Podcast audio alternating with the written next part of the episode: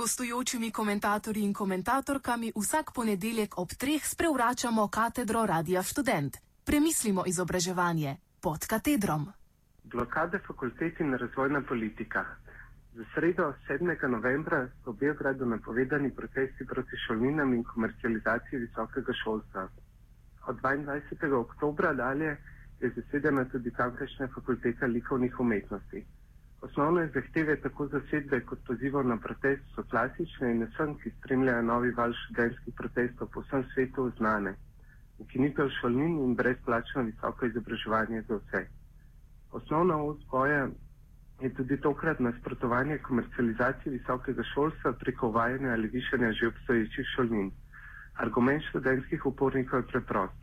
Šolnine onemogočajo prost in univerzalen dostop do izobrazbe ter uvajajo selekcijo po premoženju in družbenem položaju, kar je v nasprotju z načeli enakosti in družbene pravičnosti.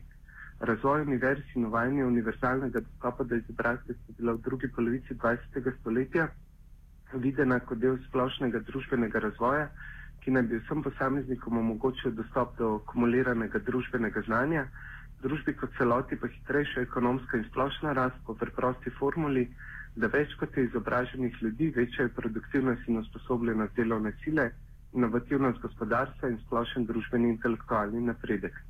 Univerzalen dostop do visoke izobrazbe je dolgo časa veljal za pogoj družbenega razvoja in obče blaginje.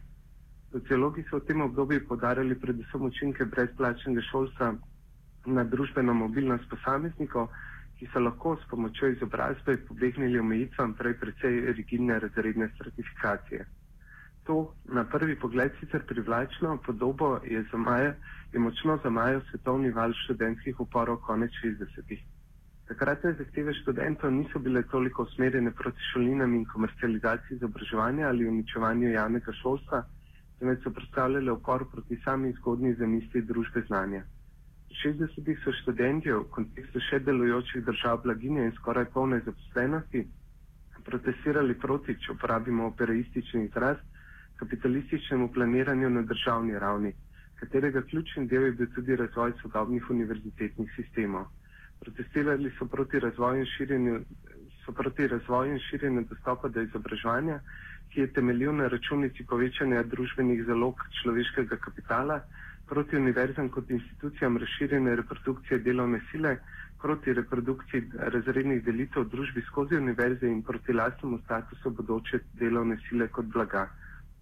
Skratka, zavračali so sebe kot delovno silo in kot potrošnike, hoteli so živeti in ne le delati in nakupovati. Borili so se za vrednote onkraj zagotavljanja stabilne gospodarske rasti in postopnega dviganja standardov delovske potrošnje.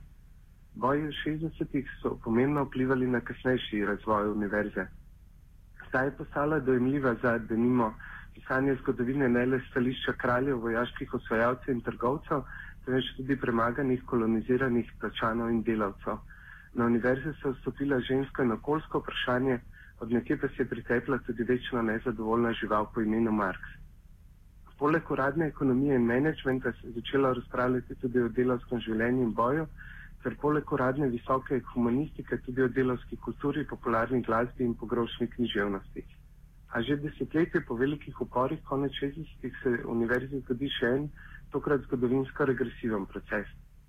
Razpad sistema Bretton Woods leta 1971 in splošna svetovna ekonomska recesija, ki je sprožila nenaden dvig obrestnih smerov v Združenih državah Amerike leta 1979, privedete do tistega, kar ameriški ekonomist O'Connor imenuje fiskalna kriza države. Ne glede na ekonomski zdravi razum, veliki javni dolgovi niso značilnost pogojno rečeno kinezijanskih povojnih držav blaginje, temveč kot pokaže italijanski ekonomist Delo Fiore, eksplodirajo in postanejo mednarodni ekonomski problem številka ena šele z neoliberalno kontrarevolucijo.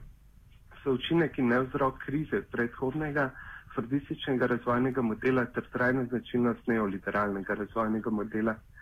Države na svoje fiskalne krize reagirajo različno, vsaj za prvotno obdobje uvajanja neoliberalnega razvojnega modela je značilno, da po vrčevalnih ukrepih posegajo le najbolj obrobne, politično najbolj nemočne in ekonomsko najbolj odvisne države v tretjem svetu, pa še tam jih mora to vrčevalne ukrepe prisiliti Svetovna banka in Mednarodni denarni sklad. V Evropi je vrčevanja najprej deležna industrija in infrastruktura v državni lasti, ki se v 90-ih pospešeno racionalizira in privatizira. Delne privatizacije je še pred aktualno krizo deležen tudi del socialnega sektorja, predvsem sistem socialnih stanovanj in zdravstva, kar med drugim kaže, da so krčenje javnega sektorja ter racionalizacija in privatizacija preostalega prej politične strategije kot nujen ali še manj edini odgovor na krizo. Aktualna kriza vseeno oblastnikom nudi priročen izgovor in primerno ozračje urgentnosti za grobe posege v socialne institucije, med katere sodi tudi univerza. Klasičen ukrep je značilen tako za Slovenijo kot za bližnje države, denimo Srbijo in Hrvaško, je samovoljno in enostransko znižanje obsega javnega financiranja, s čimer država oziroma pristojno ministrstvo povzroči umetno krizo univerze. Skladu s tem pristojno ministrstvo univerzo pozove naj se obnaša kot krizni menedžer in ji podeli večjo avtonomijo pri določanju delovnih obveznosti in pri kadrovski politiki. Univerze se, se tako lahko avtonomno odločijo o tem, ali bodo svojo finančno krizo rešile z odpuščanjem in z večjo obremenitvijo preostalih delavcev, nižanjem plač ali s prenašanjem stroškov študija na študente. V Sloveniji je do sedaj prevladovala kombinacija prvih dveh elementov. Neformalna prepoved zaposlovanja novih visokošolskih učiteljev in raziskovalcev ter nižanje stroškov dela z outsourcingom nekaterih storitev ter pospešenim uvajanjem honorarnega in drugih oblik fleksibilnega dela, torej pritisk na mlade akademske in raziskovalne delavce. Šaline še vedno visijo v zraku, poznajo jih na če dalje več programih druge bolonske stopne, povišale so se šaline za doktorski študij, a za univerzalno uvedbo šalin, kar bi nedvomno sprožilo velik odpor študentov in njihovih organizacij, ne želi prevzeti odgovornosti ne ministrstvo, ne univerza. Na Hrvaškem in v Srbiji so nasprotno glavni problemi visokošolskega prostora ravno glede na splošni življenjski standard izjemno visoke šalnine.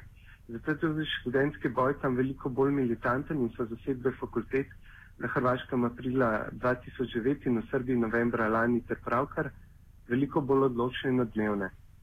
Narobe je manjša intenzivnost študentskih bojev v Sloveniji pripisovati študentski apatičnosti, prej gre za učinek specifične lokalne konfiguracije sil v kontekstu krize univerze.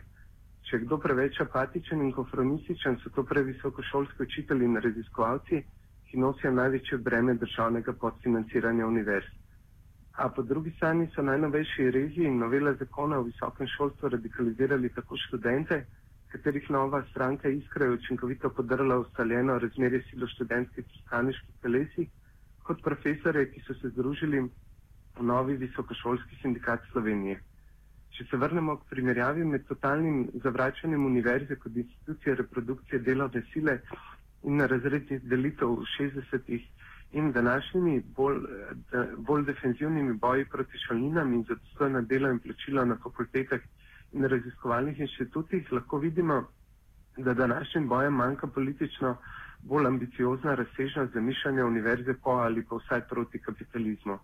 Če se omejimo le na brezplačno in delovno urejeno šolstvo, je sam proces šolanja za nas še vedno črna škatla.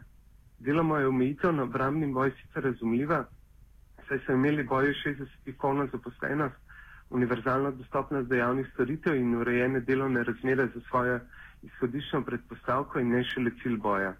Po drugi strani je univerza deloma uspela integrirati lekcije 60 in je danes programsko veliko manj zaprta in konzervativna kot takrat. A vseeno ne smemo popustiti na programsko vsebinski fronti in dopustiti prevlade tistega, kar Borut Rončevič imenuje imaginari druge republike. Zamislijo univerzi kot povečevalcu konkurenčnosti gospodarstva in produktivnosti delovne sile, o univerzi kot instituciji, ki povečuje zaloge človeškega kapitala družbe. Današnjim zahtevam uporniških študentov po univerzalno dostopnem in brezplačnem študiju se včasih pridruži še zahteva po emancipatornem izobraževanju. Kaj nam bi pomenilo emancipatorno izobraževanje? nič drugega kot ravno kritiko družbene ureditve, ki temelji na konkurenčnosti in pehanjem za individualnim človeškim kapitalom ter zamišljanje družbe sodelovanja, solidarnosti, enakosti in univerzalne blaginje. Z drugimi besedami družbe po kapitalizmu, kar pomeni, da so pojmi konkurenčnosti, rasti in človeškega kapitala za nas že zdaj zastareli in neuporabni. Enako velja za pojem znanja. Znanje in družba temelječa na njem sta bila ključna elementa zgodovinske etape integracije kapitalizma.